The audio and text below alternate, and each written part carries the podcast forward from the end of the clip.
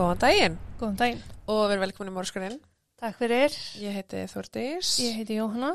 Rétt árunni byrja þá ætla ég að minna á Scrub Daddy en með kóðunum okkar Mórskurinn þá fáið 20% afslátt af öllu inn á scrubdaddyisland.is Mm -hmm.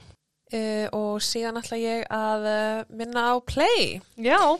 en uh, Play er að fljúa til Varsjá núna. yes, Við höfum farið til Pólans.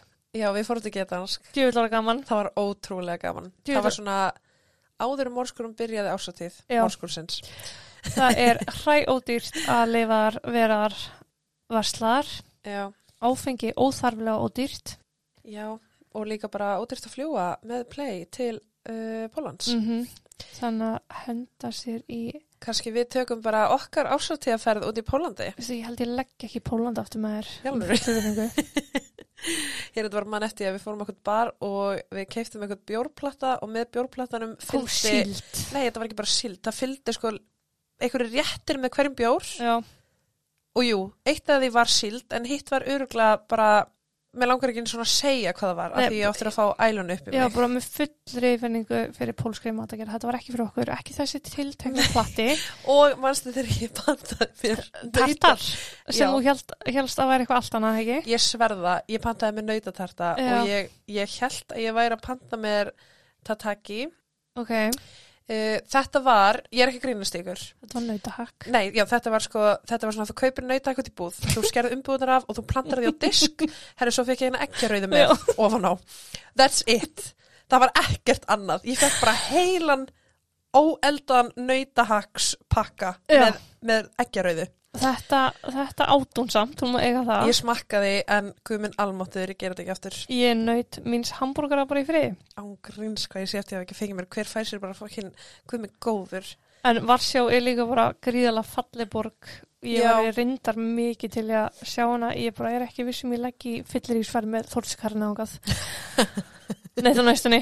En með, með play flýg ég samt. já, algjörlega sko það er líka bara ekkert eðlilega ódýrt. Mm og þú myndi actually eiga pening til að versla og kaupa þér bjór. Já, en já, ég ætla þá bara að binda mér í máli endilega. Scrub Daddy Play málið. Já. yes, alright. Mm -hmm.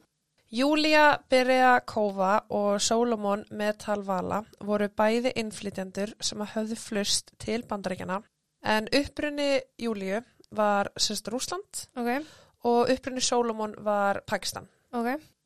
Júlia flutti til landsins ára 94 þegar hún var 12 ára gömul en þremur árum síðar eða 15 ára gömul kynnist hún 21 ás Solomon.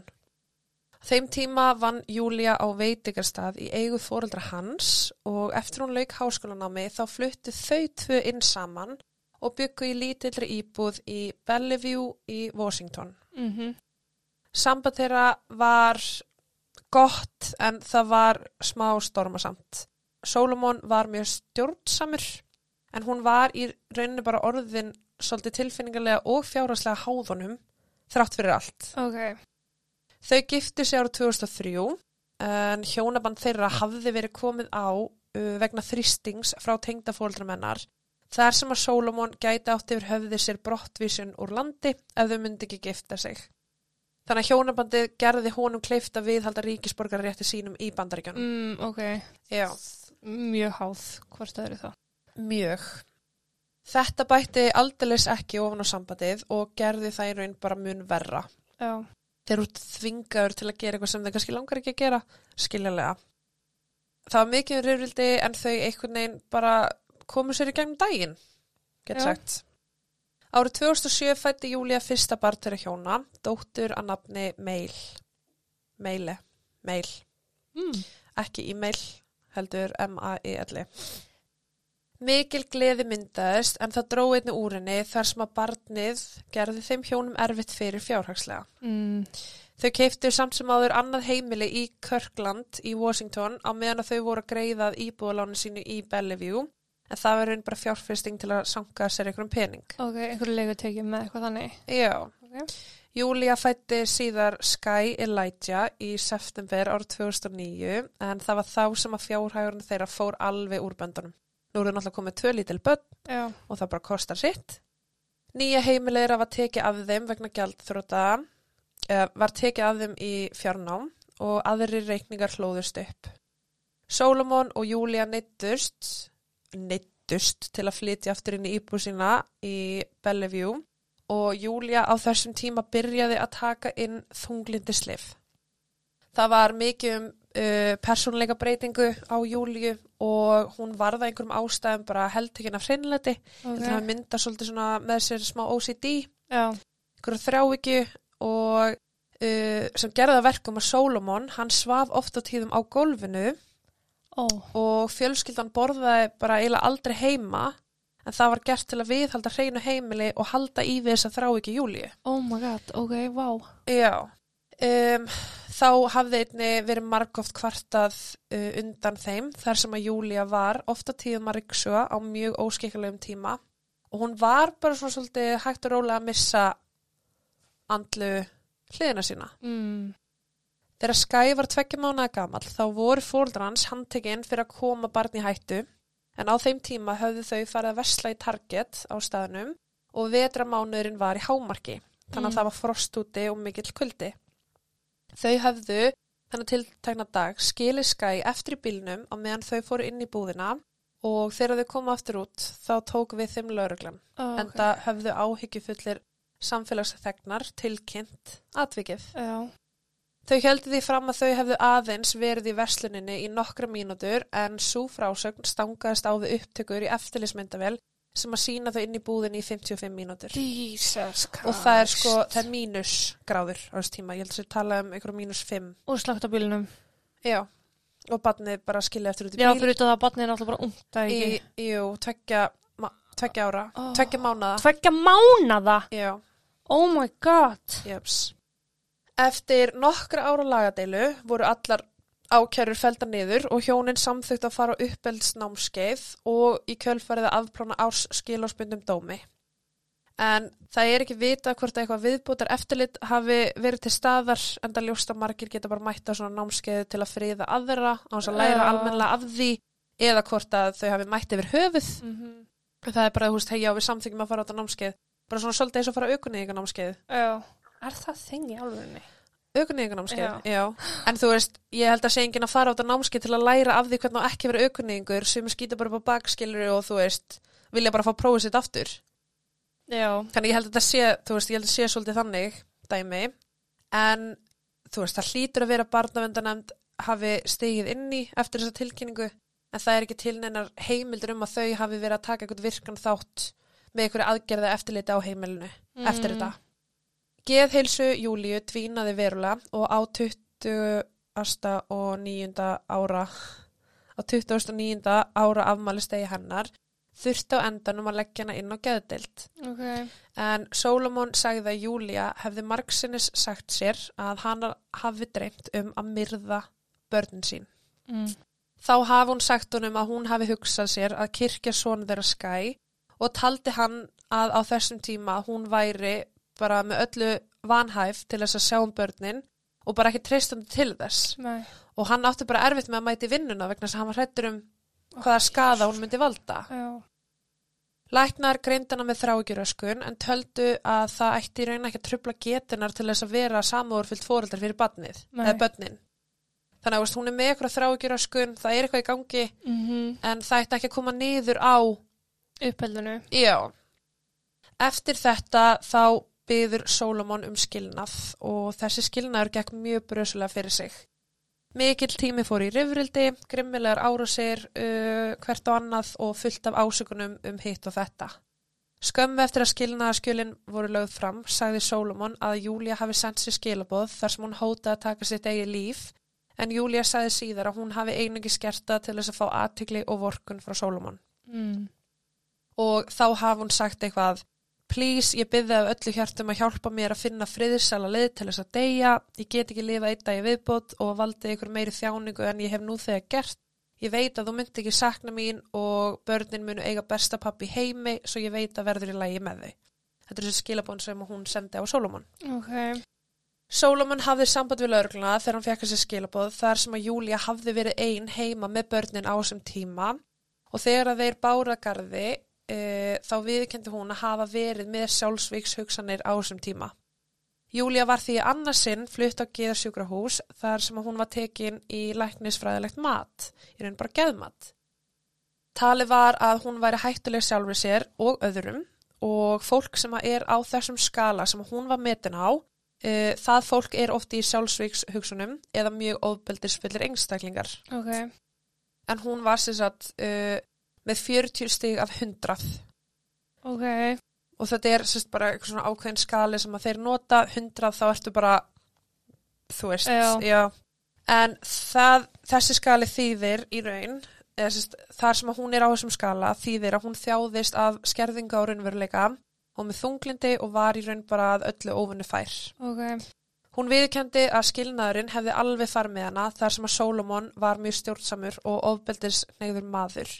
Hún sagði uh, að sinn helsti ótti væri að Solomon væri að gera börnum þeirra það sama og hann væri búin að gera henni síðustu ár. En þar var hún að vitna í andlegt sem og líkamlegt ofbeldi sem hún sagði að hafi átt sér stað inni á heimilinu. Prestur í kirkjunni þeirra uh, staðfesti þessar fulleringar hennar með því að segja að hún hafi, presturinn, verið á staðnum þegar meil, yngri dóttirinn, uh, sagði sér og móður sinni að Solomon ætti það til að slá skæ þegar hann grét til að reyna að þakka niður í honum. Við erum að tala um unga barnina en þá ekki. Jú. Presturinn uh, tók upp samtal mellir sín og meil uh, þar sem hún sagði frá því að móður sín, Skye og hún sjálf hafi oft orðið fyrir barðin á Solomon. Og þarna er meil í kringu fimm ára gömul. Solomon svaraði fyrir þetta og sagði að það væri raun Júlia sem væri að beita ofbeldi inn á heimilinu Mm. og hann hafði samband við barnavend sem að uh, hóf rannsókn en þeir komist að því að allar ásakanir Solomon á hendur Júliu um vannrækslu og misnótkunnað ofbeldi Já. var ástæðlaus. Ok. Júlia gerði það sama og uh, ásakaði hann tilbaka við barnavendanemnd um kynferðsbrot gegn dóttu þeirra sem var rannsakað og enn og aftur komið ljós að það var að benti til þess. Ok. Og þau eru svolítið bara svona svolítið að skjóta hvort annað Já, með einhverju svona ásökunum. Uh, hins vegar var Solomon tekin í legapróf þar sem að hann var spurður hvort hann hafi eitthvað tíman lagt hendur á börnin og þrátt fyrir að hann hafi staðist mestan hluta prófunu þá var niðurstaðan við þessari tiltegna spurningu ófullnægindi. En það getur líka þá vel verið eins og Meil sagði að hann hafi á einhverju tímapunkti slegið són sinn ef hann var gráta. Já. Í september ára 2010 náði Júlía svo fullum bata og fekk forræði beggja barnana. Vinir og nágrannar komið fram og veittu Solomon stuðning óbyrberla þar sem að þau sögðu að hann væri einstaklega góður maður og að hann hafi aldrei beitt Júlíu nefn börnin ofbeldi. Ok. En þannig er hann búin að missa forræði. Hún fær forræði á meðan Mm. skilnaðar deilirnar eru í gangi og vinir hans og fjölskylda eru í raun bara að bakka hann upp og segja að hann getur vel verið líka með, eða þú veist. Já, já. Í óttobir sama ár var haldin 11 tíma sagt, bara sátta miðlunarfundur. Já, svona sáttum að ferð. Já, milli þeirra, þar sem að þau rættu framtíðaplön, uh, hvað var það forræði barna sinna. Og á meðan fundinum stóð þá náðu þau samkumulagi um sérst, umgengnisrétt uh, Solomon. Þannig að hún væri með forræði og hann væri með umgengnisrétt. Já. Og þetta tók 11 tíma og þau eru bæði sammála og allt gott blessað. Ok. En þegar fundinu lauk þá ringdi Júlia í hann aðeins nokkru klukkutími síðar og var sem sagt að reyna að komast hjá því að hann fengi að hitta börnin. Þannig að hann hefur einhvern veginn snúist hugur Mhm. með það. Burt séð frá vandamálum þeirra í þessari sáttamiðlun og öllu sem var í gangi varandi skilnaðin, þá tók líf þeirra mjög sorglega stefnu að morgni 7. nóvumber ár 2011 eða ári síðar. Og þannig er skilnaðurinn ekki farin í gegn. Það tekur fokkin langan tíma að vera skilna. Fokkin langan tíma. Júlia vaknaði um morgunin með börnum sínum og tók eftir því að Skye var mjög illa leikinn. Hann var sérst bara mjög veikur. Mm. Uh, hún yfirgaf heimili sitt með börnin í sylfilitaða Acura Integra bílnum sínum. Elskar þú að tala um bílatur. Ángurís. ég hef ekki hugað hvað þetta er. Ég hef aldrei heyrt þetta. En uh, planið var að fara á overleik læknavaktina í Bellevue. Ok. Á leiðisinni þangað varð hún bensinlaus við vegarkant á þjóðvegi fjögur. Uh, Það var þá sem hún tók dóttur sína út úr bílnum og ákvaða að ganga að næstu bensinstöð sem var í um 1,6 km fjarlægð. Ok. Hún hins vegar skildi Skye veika svon sinn eftir í bílnum á meðan hún gekk til að ná í bensin og koma tilbaka. Það? Það tók dágóðan tíma og sagt, þegar hún kemur á bensinstöðuna þá ringir hún í vin og byður um far aftur í bílinn sinn. En þetta er, við erum að tala um kannski klukkutíma sem að tekur að ganga. E, þegar hún kemur aftur að bílinnum þá var Skye hvergi sjálfur en hún hafði, eins og ég segi, skilan eftir í, bíl, í aftursveitinu e, í bílinnum þar sem hún taldi að hann myndi hægja verulega á henni að vera sérst að taka hann með sér þessa spöl Já, hann var rúmla árskafallega eitthvað þarna. tveggjára gamall Tveggjara. sem og hann var náttúrulega veikur. Já. Hún ringdi því yfirvöld og í kjölfarið hóst leit af Skye. Lauruglan byrjaði að leita í um 16 km radíus frá staðsynningu aukutækisins en bara það fannst ekkert. Þeir töluðu við Júliu á meðan en tóku strax eftir ósamræmi við sögunennar. En samkvæmt bara lítillri réttaransókn sem að þeir hefðu gert á vettvangi bara að skoða aðstæður. Mm Þá var nóg bensín á tankinum Nú. Uh, til þess að komast að bensinstöðinni og bílinn fór í gang með eðlum hætti. Þannig að það var engin, það var engin bilun eða neitt sem var í gangi. Ok. Þú veist, hún varð ekki, hún var ekki að keira og bílinn bara bensinlaus og hún bara gæti ekki keirt meir. Nei. Það gerist ekki. Sagvært lauruglugögnum þá keifti hún hvorki bensín á bensinstöðinni og ringdi ekki yfirvöld. Þar. Það reyndist vera 2,2 lítrar af bensinni í tankinum sem er, eins og ég segi, meira nóg til þess að keira þannan kílometr að bensinstöðinni. Já. Það var einnig ósamræmi við sögunarnar að hún ætlaði að fara með veika barni sitt á sjúkrós þar sem að hún hafði ekki tekið með sér veski sitt og ekki síma sinn. Mm. Þannig að hvernig ætlaði hún að borga fyrir læknatíman Mm og hvernig akkur gekk hún á bensinstöðu og ætlaði að kaupa bensin með ekkert veski. Já. Hún lítur á að fatta það á einhverju tímapunkti. Jeps. Ökutækið hennar var ólæst uh, sem var ekki það sem hún sagði. Hún sagðist að það var skilað eftir, uh, hún sagðist að það var læst bílum, Já. en það var ólæst og það voru engin merki um þvingaða ingöngu eða einhver hafi reynd að brjótast inn í bílinn. Nei. Júlia leiði lögreglunni í kjölfara að leita á heimilin hennar og í tölfunni uh, hennar sem var bara partur af rannsók. Þeir náttúrulega bara mæta heim til hennar og vilja bara skoða allt, Mhm. skoða hvað er í gangi. En við yfirheyslu, eða í skýrslu tökur lögreglu, það ákváðan að nýta sér The Fifth Amendment réttindin sín sem að veita í raun bara einstaklingi rétt til þess að svara ekki spurningu lögreglu. Sko, ég skil þetta svo innilega vel að nota bara þú, uh, þinn réttur, bara þú veist.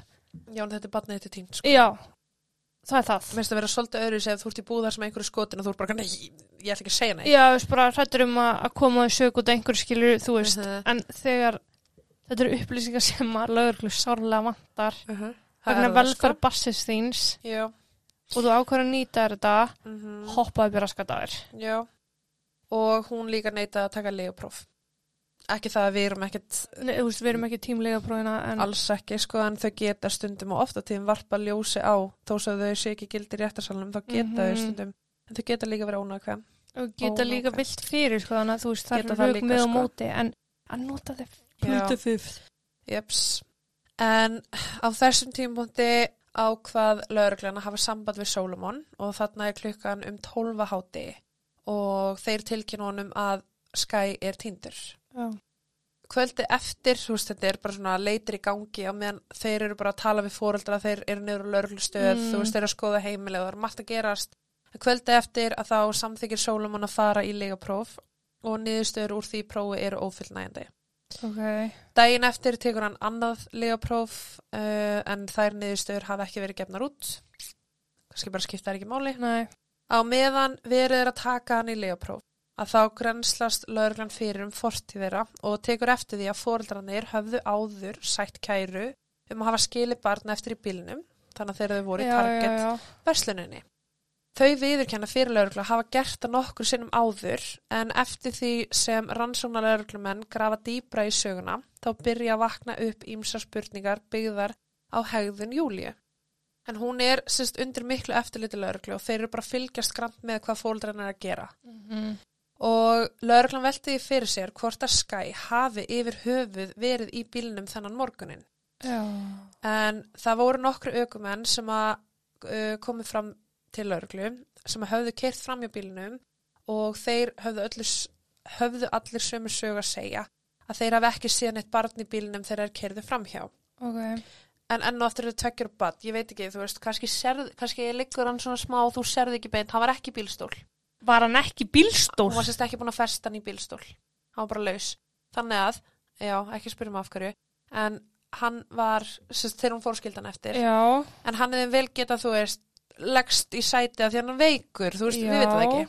En þeir allan að segja, þú veist, að það var enginn sem að tóka eftir einu óvinnilegu við aukutækið eða í bílnum, annað en að því var bara lagt hann í vegkantinum og enginn af þessum aukumanni mönnum stoppaði til að kíkja.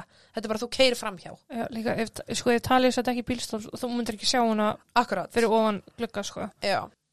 Nágrannar Júlíu voru einnig yfirheyrðir og sögðu að þeir hafi ekki séð skæ í að minnstakosti tvær vikur. En það var svo sem ekkit óalgengt eða óeðlilegt þar sem að Júlía og börnin yfirgáfi sjaldan íbúðuna sína. Mm. Vegna forsjársamningsins sem að gerður hafði verið, þá hafði Sólomon ekki séð són sinn síðan í apríl. Og nú eru komin í september. Já, En hann sagði samt við lögreglu bara að sónu minn var potti í bílnum þennan morgunin. mhm. Hvernig veit hann það, veit það ekki. Þannig að hann er full að trúa fyrirvandi einkonu sinni og bassmóðu sinni. Já. Skoða var samfélagsmiðla virkni Júliu og þeir tóka eftir að hún hafði byrt margar myndir af mail á Facebook en nánast engar af Sky. Þeir fundu einnig tíðar heimsóknir á stefnumóta VF fyrir konur sem að er að leita af eldri og mjög ríkum körlum. Ég raun bara daddy. Mhm. Já. Lauruglan hjælt blaðmann að fund varandi kvarfið á Sky og sögðu að þeir trúðu ekki sögu Júli um, Júliu og að þeir telji hann að vita meira en hún hefur að segja á þessum tímapunkti. Ok. Einni kom fram uh, allt með ósamræmið sem að myndaðast út frá sögunni hennar og þeim sönnagögnum sem að aflað var á vettfangi. Og á sem blaðmannu fundi var lauruglustjórun spurður hvort hann teldi Júliu vera að ljúa og hann var bara það djarfur að hann sagði bara já. Mm.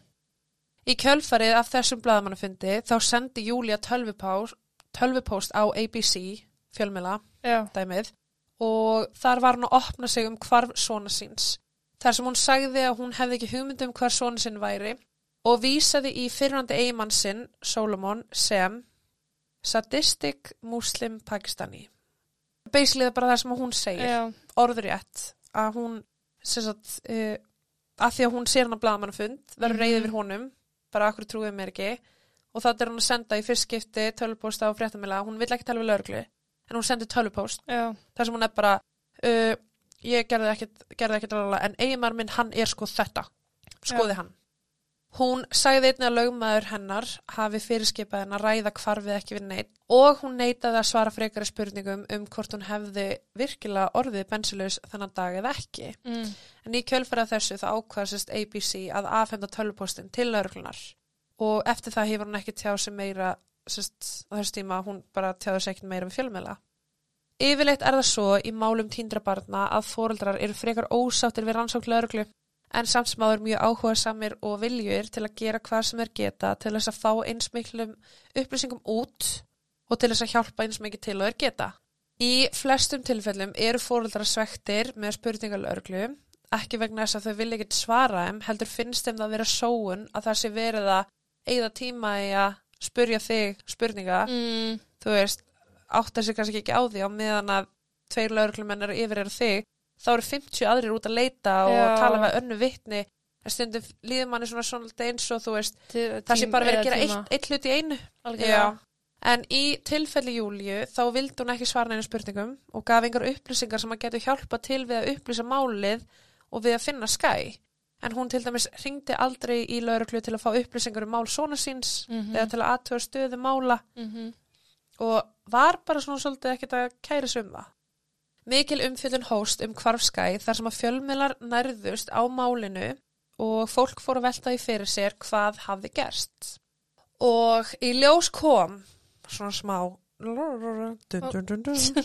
að kvöldin áður hafði verið síndur þáttur af Love and Order SVU, en þessi tiltegni þáttur Fyrir ekki þau. Law and Order SVU. Ok. En þessi tiltekni þáttur heitir Missing Pieces, Mm. þið vilja horfa á hann. Í þessum þætti ringir kona í lauruglu sem er að standa í fórsjórdeilum og segir þeim að sinannar hafi verið rænt eftir hún skildan eftir út í bíl. Ég held ég að síðan þátt sko. Bílnum hafði þá verið stólið en síðar kom í ljós að konan myrti svon sinn. En þess maður geta að Law and Order voru uppáhalds þættir Júliu og það er talið að þessi þáttur hafi verið nokkuð skonar innblástur af kvarfi Skye þar sem að hann var síndur kvöldinu áður en að Skye kvarf Mm og það er bara sagt að hún hafi 170% hort á hana þátt vegna þess að hún var alltaf heima á sér, yfirgaf aldrei íbúðuna -hmm. og já. Meil var tekin af barnavend og vistu á fósturheimili og Júlia fekk að hitta hana nokkru sinnum undir eftirliti en á þessu fósturheimili fekk Solomon einnig að heimsækja dóttur sinna tvisar í viku en eftir um sex vikur að þá endur heimti Júlia forræði Meil. Ok. Ári eftir hvarf Skye var ekkert að frétta en það var þá sem að skilnaður þeirra hjóna fór í gegn og Solomon fekk fullt forræði yfir báðum börnunum. Ok. Annar bladamannafundur var haldinn stuttu eftir það og á honum kom fram að lauruglan gruni að eitthvað sagnæmt hafa átt sér stað.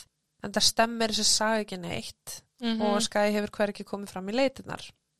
Þeir sögðu einni að þeir vildu virkilega trúa Júliu og þeir vilja hjálpin að finna són sinn en sagan hennar sé að falla saman með hverjum deginum sem líður og þessi skortur á samvinnu hjálpaði aldeilis ekki til. Nei. Þeir báðu almenning um að hafa samband uh, við sig með allar upplýsingar sem að gætu benda það hvar Skye væri niðurkomin og bættu við sérstökum skilabóðum sem voru stíluð til Júliu. En þá segja þeir, Júlia vinsalast hafði samband við okkur og leiði okkur að hjálpa þær að finna sondin.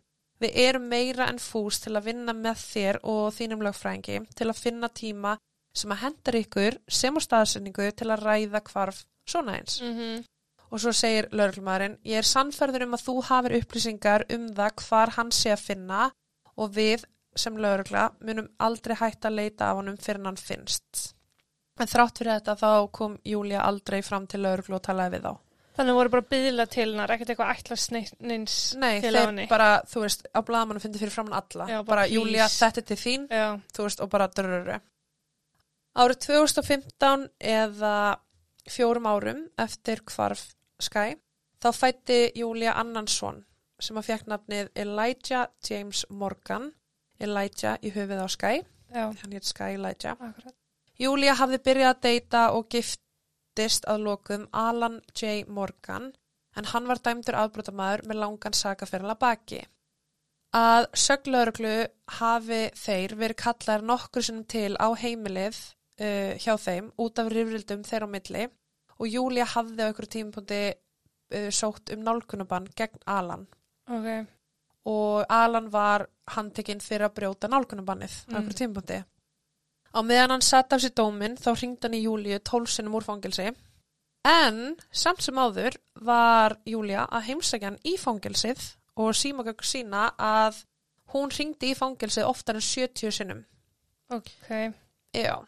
Og sonur þeirra fættist á meðan að Alan var í fangilsi og hver skipti sem að Júlia fór að heimsækja hann þá notaði hann alltaf dullnefni. Oh. Þannig að þegar hún kvittar á þá er hún, hún er Jón í dag og svo er hún Karla morgun. Skrítið að það sé hægt samt. Já, af því þú ert að skilríkjum. Skilríkjum, nákvæmlega. Júlia og Alan giftu sig í desember árið 2014 en það var í sama mánuði og hún bað um nálgunabanni gegn honum. Rannsakadur höfðu rætt við þau en þau sögðust ekki búa saman en gáðu samt upp sama heimilisfang og Júlia myndi síðar segja að hún hafði ekki hugmynd um hver faðir svona síns væri, sérst Elijah, nýja svona síns, þrátt fyrir að Alan hafi verið skráður á fæðingavottorið sem og að sonurinnar hafi fengið sama millinafn og Alan. Já, og eftirnafnið hans? Já, Já. hann alltaf þinn skráður á fæðinga. Já, já, já, já. Eftir að Alan losnaður fangilsi var gefin út handtökurskipan á hann þar sem að hann hafði ekki mætt í ykkur meðferra áallun sem að honum hafði verið gert að sæta Já. og barnavend fór að kanna það hvort að nýfættur sonur Júliu væri raun örugur í hennar vörslu. En þá hafði það sérst gerst að á fæðingadeildinni hafði helbriðis starfsfólk haft áhyggjur af andlu ástandennar uh, en hún neitaði í raun bara að fara í eitthvað geðmatt og neitaði í raun að gera eitthvað í því og á þessum tíma ákvað barnavendarstofa að skipta sér af og byrjaði sagt, byrjaði bara að undirbúa löglega ráðstafnir til að fá Júliu lista yfir sem óhæfri móður Mhm. og til að fá fullt forræði yfir Elijah. Og þarna er meil hjá pappasinum, Solomon. Ó, já, ok. Næstum 12 árum frá því að Sky kvarf uh, hafa yngar upplýsingar borist lauruglu sem eru haldbarar. Þrátt fyrir að þeir hafi fengið um 2500 ábyrtingar og eitt um 14.000 klukkutímum í að rannsaka málið 14. með aðstóð FBI og leit og rannsókn uh, hefur kostað á um 2 miljón dollara. En Solomon hefur unni náið með lauruglu í gegnum tíðina og verið mjög samvinnufús að meðan að Júlia hefur ver- verið mjög fjarlæg og frekar gagslaus. Já, En margar kenningar hafa komið upp í málinu sem og getgátur. Uh, en það er svona helsta sem að er fjallað um allstar er að Júlia hafi sendt Sky til fjölskyldur sinnar í Rúslandi eða að Solomon hafi rænt sinni sinum uh, þar sem hann fekk ekki að sjá hann og sendt hann til ættingja í Pakistan. ok. Það er svona helstu að þau hefur sendt hann úr landi, annarkvort þeirra.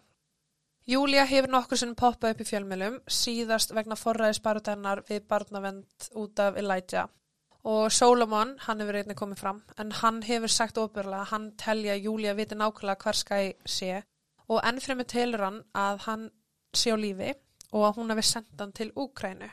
En það var sérst í april ára 2011 sem að Solomon sá són sinn síðast og að hans sögn þá hafði fadir Júliu komið heimsótt frá Úkrænu stuttu sér. Ok. Uh, hann segir samt sem áður að hann veit ekki alveg hvernig það ætti að vera hægt að flytja einhvern úr landi á hans að sé til einhver vitneskum það, einhver pappirsvinna. Mm, En það er allan hans kenning og lögmaður hans, Solomon, hefur einnig listi yfir óbyrgarlega að Júlia sé bæði andlega óhæf um að sjá uh, um börn og að hún hafi mjög líklega átt þátt í hvarfi svona þeirra.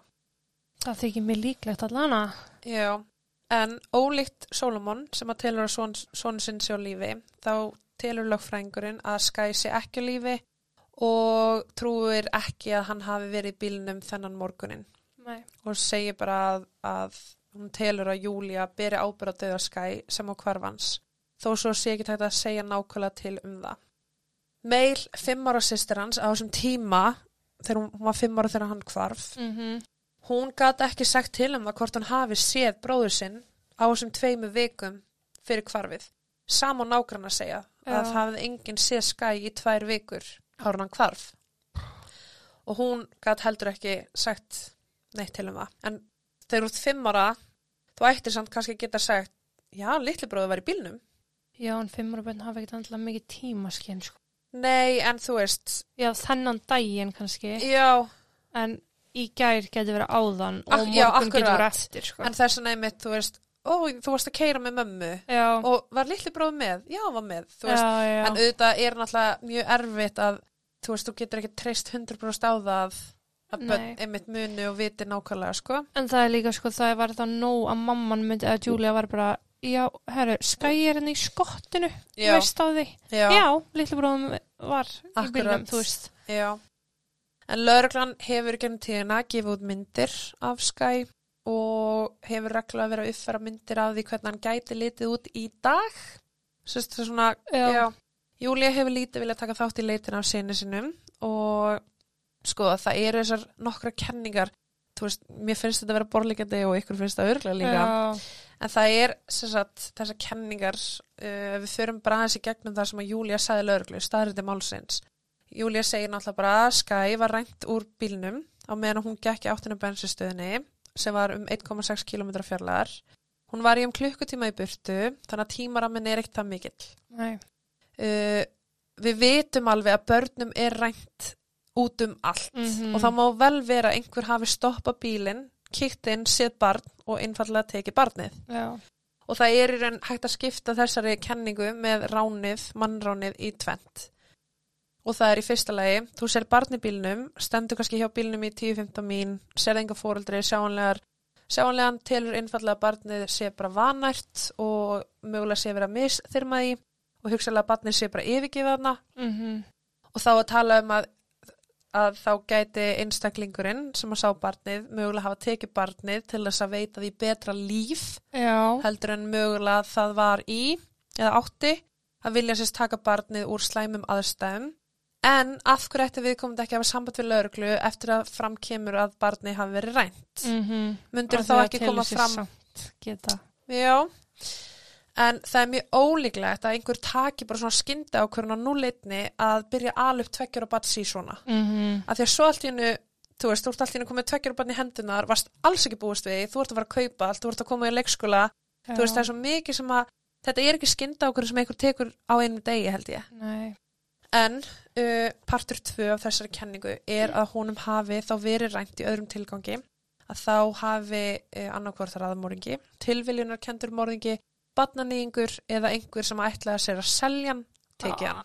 alltaf vest í heiminum, takk Já og bara, þú veist, sumt fólk er bara hreint útsagt ógæðslegt og það má Mm. alveg gera ráð fyrir eitthvað svona gerist. Ég hef heyrt margt skringilegra, sko. já, já, já, Og hugsum samt aðeins út eða, hver eru líkandur á því að Júlia leggja bílnum sínum í klukkutíma og akkurat sama mómenti innan þessa tímarama kemur raðmóringi, sér badnið og rænir badninu. mm -mm. Eða, veist, bara svona, það bendir bara alltaf Júliu punktur Já, veist, þetta er svona, þú veist, jú, jú, okkur það getur alveg gerst. Ég hef alveg séð skrýtnari tilviljanir, en þú veist, undir þessum mm, já, að því að sko, lauruglan náttúrulega í gegnum bílinn og gat ekki fundið neinar vísbendingar um að Sky hafi verið rænt úr bílnum. Og þegar þeir segja það, þá er þeir mjög líklega að vitna til þess að það voru engin fingrafur, uh, það voru engin, uh, þú veist, það var ekki DNA, það voru engin sönnugögg sem að fundust í bílnum til að styðja við þetta, hár, trefjar, mm, skófar fyrir Já. utan, þú veist, allt. Þeir raun bara að segja, hún var ekki rænt úr bílnum og ertu þá bara með hanska á þér, ertu búin að gera þig kláran í að ræna batn úr bíl þennan dag og þú er bara tilbúin í allt, Mhm. nei, þú hlýtur að fokka ykkur upp á leðinni. já, fyrir það, það er ekkert eitthvað ég ætla að býða eftir að einhver skilur eftir barnið en á þjóðveginum þar sem ég get stokkið og gripið það Já, og miða við, sko, þú veist, þessir aukumenn sem að keirðu framhjá, hverjar eru þá líkunar á því að þeir hafi ekki aukur tímpúntir sé annar bíl lagðan við hliðin á mann eh, við bílinn að taka Eh, batn úr, þú veist, að enginn hafi bara keirt, þetta er svona alltaf mikið tilvægni, enginn hafi keirt framhjá þessum sama tíma sem þessi raðmórðingi allt í hennu greipatnið, skilur ég. Uh, næsta kenning er að Sky hafi einhvern veginn komist sjálfur út úr bílnum. Það sem að bílinn var ólæstur, hann var ekki fastur í bílstól og hann er tveggjara, hann getur opnað, uh, dottið út, um, en eins og ég segi, lauruglan leitaði í 16 km radius og umhverfis allt, þannig að hann hefur ekki labbað í burtu, skilur vegna þess að þá hefði hann mögulega fundist hann hefði bara ekki komist mjög langt Nei, ég held að hann hefði ekki komist mjög langt og hann hefði örgulega bara sittið þarna og veist, en það er líklega að einhver myndir stoppa bílinn og ræna svoleiðis. já. en það er líka líklega að einhver hefði stoppað og hringt í lauruglu og kallað þetta aðstóð að sjá tveggjara gammal barn gangandi með frá þjóðvegi sko. Já, og af hverju væri þá bílhurðin ekki opinn þegar hún kemur tilbaka? Fyrir utan það sko. Og batni er ekki að fara, að, þú veist, það opnar ekki bílhurð, lappar út og loka bílhurðinu, sko. mér finnst meira þess að hæpa að tveggjara barn opni bílhurð Já, og því þú þart alveg mikið að drasli til að fykti, þú þart alveg Já, all til þess að toga. það er líka bara að príla út úr bílnum og annað sko, Já, íta hurðinu frá. já, Já. Þá erum við komin í næstu kenningu sem er að uh, honum hafi verið komið fyrir annar staðar og þá er sérstaklega verið að vísa til kenningu Solomon um föður júli sem að kom frá Úkrænu skömmu eftir að barnið sást síðast. Mm eftir að hann sá barnið sitt síðast en náttúrulega Júlia og Solomon voru í ótrúlega erfiðum skilnaði á þessum tíma sem að skæk hvarf. Og það gæti verið að Júlia hafi haldið að Solomon væri að fá forræði yfir börnunum aftur. Hann og Júlia höfðu farið hérna 11 tíma sáttameilun hún samþýtti það, tók að síðan tilbaka og var búin að tjá hún hafði ykkur áhyggjur af velferð barna sinna í umsjá Solomon já, og það geti líka vel verið að Júlia hafi þá gert þetta í hendarskinni við Solomon að semst losna við Sky en það sem við vitum er að dóttir þeirra Meil, hún hvarf ekki. Og ef Júlia hafði sannlega áhyggjur af öryggi barnana, hvers vegna bara Sky en ekki Meil það ég er búin að hugsta allan tíman okkur bara skæ já, af hverju ætti hún að senda Sky úr landi til fjölskyldu en ekki Meil já, af því að hann getur þess vegna tekið Meil og svo var hann líka að tala um eitthvað kynfyrirslegt óbyldi gagvart Meil já. Þannig að væri það ekki frekar að koma Meil í öryggara og Skjól. niðurst hann var líka svo meil enda hjá honum. Já, þannig að veist, það, þessi kenning meikar alveg ekki sens. En þú veist náttúrulega við vitum bara ef að Sky hefði flóið til Úkrænu með sitt eigi vegabrif þá hefði lögreglan fengið vitneski um það. Já, en við vitum líka fullvel að það eru til alls konar aðra leiðir til þess að koma börnum já, úr landi. Til dæmis bara mannsal, mm öll börnin sem eru tekinni mannsal og seld, þau eru ekki með vegabrif, Nei, þau eru ekki stimpluð inn í kerfið, þau eru einhvern veginn er þeim komið úr landi. já, Aðri telja að Júlia hafi ekki sendt Skye úr landi, heldur að hún hafi komið honum fyrir hjá vini eða vinkonu uh, sem hún hafi þá beðið um að taka hann að sér í eitthvað tíma? Og þá er talað um að þegar að fréttir fóru að berast af því að Skye var horfin að þá hafi þessi tildekni vinur eða vinkona bara panikað. Já, og hann sé bara eitthvað starf búa með þeim en mm, þú veist, nágrannar höfðu náttúrulega sagt hana að Júlia og börnin þau fóru sjaldan út úr íbúðinni og þar, það var líka sagt frá því það var enginn sem var að heimsækja þau nei, on a daily basis sko þau voru innflytundur eða ekki líka. Júlia, Jú, Já, Júlia frá Rúslandi Já, og hann já, er frá já, Pakistan já, já.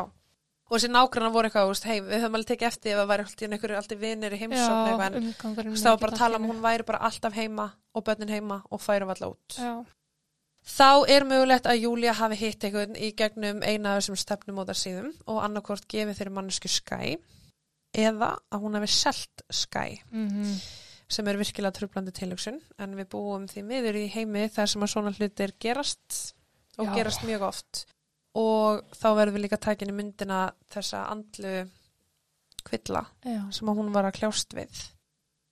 Júlia hefur tengsl við Rúsland og Úkrænu og Solomon, eins og segi, hann hefur tengsl við Pakistan og þú veist, það er leiðið til að koma fólk á landi. Mhm, en hvernig ætti Solomon að vita á þessum tiltegna degi að Skye erði bílnum akkurat þarna, hún erði bensilaus, myndi þurfa að lappa, hann geti akkurat komið, gripið Skye og farið. Það, þú veist, það er bara að tala um að Solomon tengist þess ekki á neitt hátt. Nei, pluss það að Solomon hann hefur ekki farið til Pakistan. Um, hann hefur ekki flutt heim. Hann fór ekki til Pakistan og meðan þessum skilnaði stóð. Sáttamilinin gekk vel hjá honum. Hlutinni virtust verið að fara að breytast.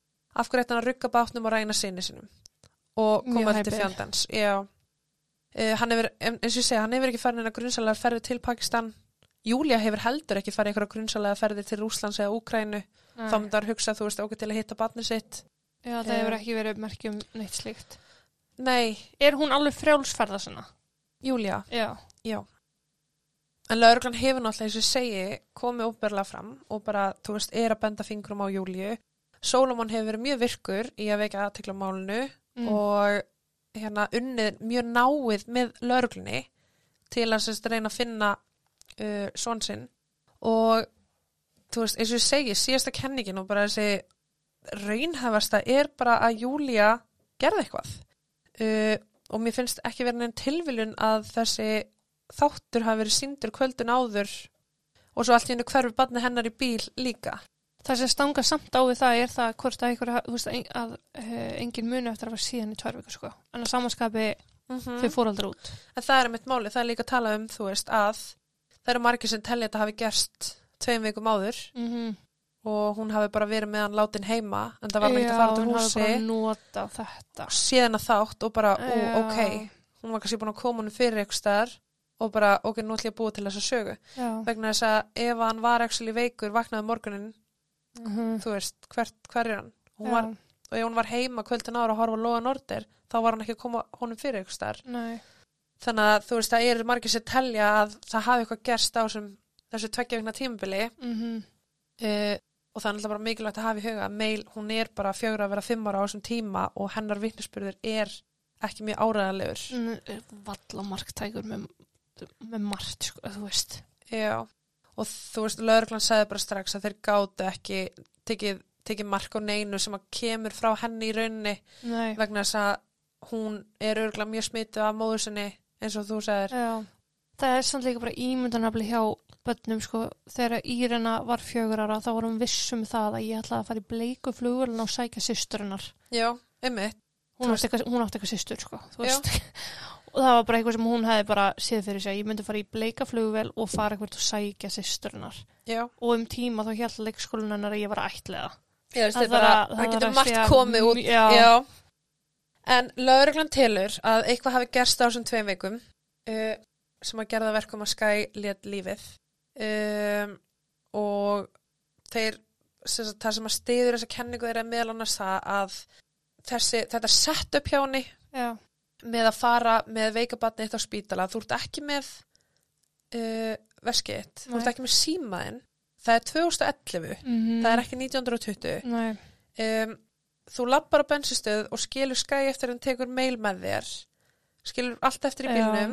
Svo kemur á bensinstöðuna og þú tekur ekki eins og bensín, ok, má vel vera að hún hafi hugsað á, ég er ekki með veskið mitt, mhm, en akkur, þú veist, allt sem að gerist í kjölfara því, af hverju ættir að skilja veikabatnið þetta eftir út í bíl. emitt, Og þú ert, og nota beni, það mikilvægasta, þú ert með nóg bensín já, til að fara.